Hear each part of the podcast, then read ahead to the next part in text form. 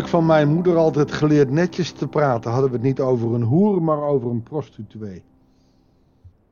Lees je nou in openbaring, dan gaat het over de hoerbabel. Kijk, daar wordt het verwarrend. Maakt niet uit, we zullen de taal van de Bijbel gewoon overnemen. En in het dagelijks leven zullen we gewoon netjes blijven. Want we luisteren altijd naar onze moeders. Tenminste, ik hoop dat jij dat ook kan. We gaan samen weer lezen. En we zijn aangekomen bij hoofdstuk 17 van het boek Openbaring. En we gaan uh, gewoon door met openbaring. Ook volgende week zal ik een aantal dingen uit Jesaja en Psalm overslaan. Want jullie weten dat ik erg nieuwsgierig ben om dit boek af te maken. En het eigenlijk nog het liefst voor het eind van het jaar. Goeiedag, hartelijk welkom bij een nieuwe uitzending van het Bijbelsdagboek. Een van de zeven engelen met de offerschalen kwam op me af en zei: Ik wil je laten zien hoe groot de hoer die aan een talrijke waterstromen zit veroordeeld wordt. De koningen op aarde hebben ontucht met haar gepleegd. De mensen die op aarde leven hebben zich bedronken aan de wijn en van haar ontucht. Wie is nou die grote hoer? Daar is in het verleden uh, heel veel over gespeculeerd. Heel lang was het de Rooms-Katholieke Kerk die de wereld in verleiding bracht met haar leugens over de theologie. Ook is er een stroming geweest die zei: nee, het is de islam die de grote hoer is.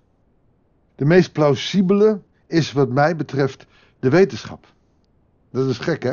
Ik heb niks tegen wetenschap. Maar wetenschap is wel de grote concurrent van de mystiek van het geloof. Dat was al in de tijd van de Bijbel. Ook in het ontstaan van uh, de Bijbel als Bijbelboek.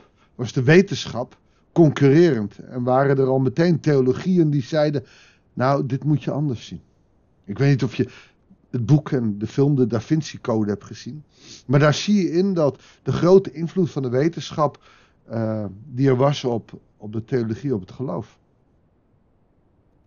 En ik denk dat door alle tijden heen de grote hoer van de wetenschap is. Niet dat de wetenschap slecht is, maar de vergoddelijking. En dan moet je denken aan bijvoorbeeld. Uh, maak geen andere afgoden voor mijn aangezicht en kniel voor die niet neer. Nou, de wetenschap is voor heel veel mensen een soort van afgod geworden. Nogmaals, niks tegen wetenschap. Maar als het een god wordt, dan wordt het anders. De koningen op aarde hebben ontucht met haar gepleegd, oftewel, overal werd dat belangrijk. Alle eer naar de afgod van de wetenschap, naar de grote geleerde. En God kwam aan de kant te staan. Ook omdat de wetenschap niks met religie kan. Terwijl ik geloof dat wetenschap en religie uiteindelijk hetzelfde zeggen.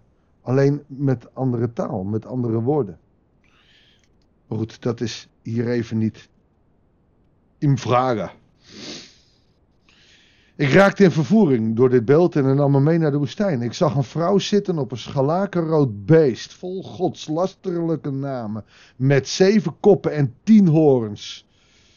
Dat zeven staat voor de volheid, de tien voor het volledig zijn. Ze komen verdacht dicht bij de waarheid.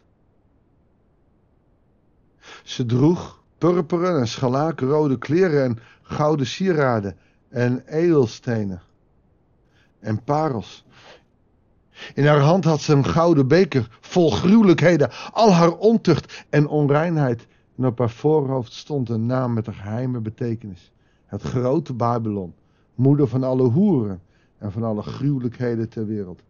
Babylon werd in de tijd van de Bijbel en daarna ook wel gezien als de grote hoer, oftewel het centrum van de wetenschap. En dat het grappige is dat het niet altijd slecht is. Want in de Babylonische tijd dat het volk Israël voor de eerste keer werd verbannen, leerden ze daar eh, schrijven. Daardoor hebben wij de Bijbel op papier. Eerst werden de verhalen van Mozes, de vijf boeken, op papieren geschreven en later natuurlijk in een Bijbelboek. Maar de verafgoding van de wetenschap en van Babylon komt duidelijk naar voren. En vanuit die wetenschap is er ook veel verkeerd gegaan. Je hoeft nu maar om je heen te kijken. De wetenschap neemt grote sprongen. We kunnen al heel veel. En we willen ook heel veel. Maar uiteindelijk is het de vraag of dat veel ook werkelijk waar goed is. Ik zag dat de vrouw dronken was van het bloed van de heiligen. En het bloed van hen die van Jezus hadden getuigd. Ik was ontzet toen ik haar zag. En je ziet dat de wetenschap ook heel veel mensen in de ban heeft gekregen. Ook rechtvaardige mensen. En toen zei de engel: Waarom ben je zo ontzet? Ik zal je de betekenis onthullen van die vrouw en het beest dat haar draagt, met zeven kop en tien horens. En het beest dat je zag, was en is niet. Het stijgt binnenkort op uit de onderaardse diepte en zal vernietigd worden. Dat is de eerste overwinning van Jezus op het beest, op de Satan. Alle mensen die op aarde leven, voor wie de naam niet vanaf het begin van de wereld in het boek des levens staan, zullen verbaasd zijn bij het zien van het beest, omdat het was, niet is en toch weer zal zijn. Oftewel, de wetenschap geeft ook de Satan weer de macht. Nou, niet de wetenschap, de mensen. De mensen die wetenschap bedrijven of niet wetenschap bedrijven, maar verheerlijken die wetenschap en, en de Satan krijgt weer zijn kracht. En zo zie je dat het eigenlijk in elkaar past.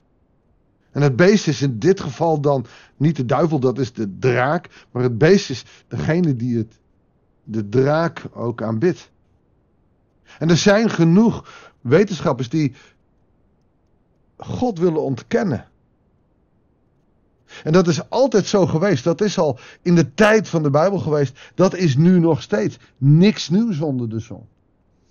En de waarschuwing daarvoor is heel duidelijk. En dan beginnen we morgen met, met één regeltje. Die eigenlijk al van toepassing is, ook van dit gedeelte. Hier komt het aan op wijsheid en inzicht. Morgen krijgen we meer uitleg. Maar je ziet dus dat je heel gauw kan zeggen: Nou, dit is, dit is de Rooms-Katholieke Kerk. Omdat de Protestantse Kerk, zeker na Luther en de Protestant, uh, het ontstaan van de Protestantse Kerk. Uh, zich afvroeg wat die katholieke kerk eigenlijk deed. En, en ze hebben heel lang dat ook stiekem gedaan. Diensten helemaal in het Latijn, zodat het gewone volk erbij zat en het niet kon begrijpen. Vandaar dat de protestante kerk ook echt uh, de preek in het Nederlands hield. Maar hoeveel evangelische zijn niet uit de kerk gestapt omdat een soort van tale Kanaans in de traditionele kerk komt. En je kunt dat allemaal de hoer van Babylon noemen, maar dat is niet helemaal eerlijk. En ik denk dat wetenschap en deze hoer van Babylon het dichtst bij komt, omdat van alle tijden die wetenschap bedreigend is voor het geloof. Bedreigend is geweest voor het geloofsleven. Zelfs nu, wetenschappelijk, is er een ander leesplankje voor groep 3. En het begint met ik. Alles gaat om de ik hier in Nederland. En de kinderen leren het al in groep 3. Hoe bizar, een klein beetje. Hoe wetenschap gedacht heeft, dit is het goede plankje. Snap je wat ik bedoel? Het begint maar klein. Het begint bij kleine. Maar wetenschap houdt van God af. Terwijl wetenschap belangrijk is voor medicijnen, voor, nou ja, voor alles. Zelfs voor theologie. Maar je mag het beest, oftewel de wetenschap, nooit verheerlijken. God gaat uiteindelijk, staat uiteindelijk boven alles. Zullen we bidden? God, dank u wel dat u boven alles staat. Dat u een God bent die zich niet door de wetenschap onder laat schuiven. Heere God, wij mensen doen het wel. Wij mensen vinden het heerlijk om te laten zien hoe wetenschap zoveel belangrijker is. En alleen al door de wetenschap is in Nederland veel minder geloof. Omdat we de mystiek niet meer aan kunnen. We willen zeker weten, we kunnen bewijzen. Maar we kunnen niet bewijzen dat God bestaat. Heere God, en toch bestaat u. U bent een grote koning, u bent een levende koning. En in vele harten bestaat u nog steeds. Wilt u ons helpen om deze twee dingen bij elkaar te brengen? Zodat steeds meer mensen kunnen zien dat zowel wetenschap als religie eigenlijk op één vlak staan. Heer, zegen ons zo. Wat bidden we u?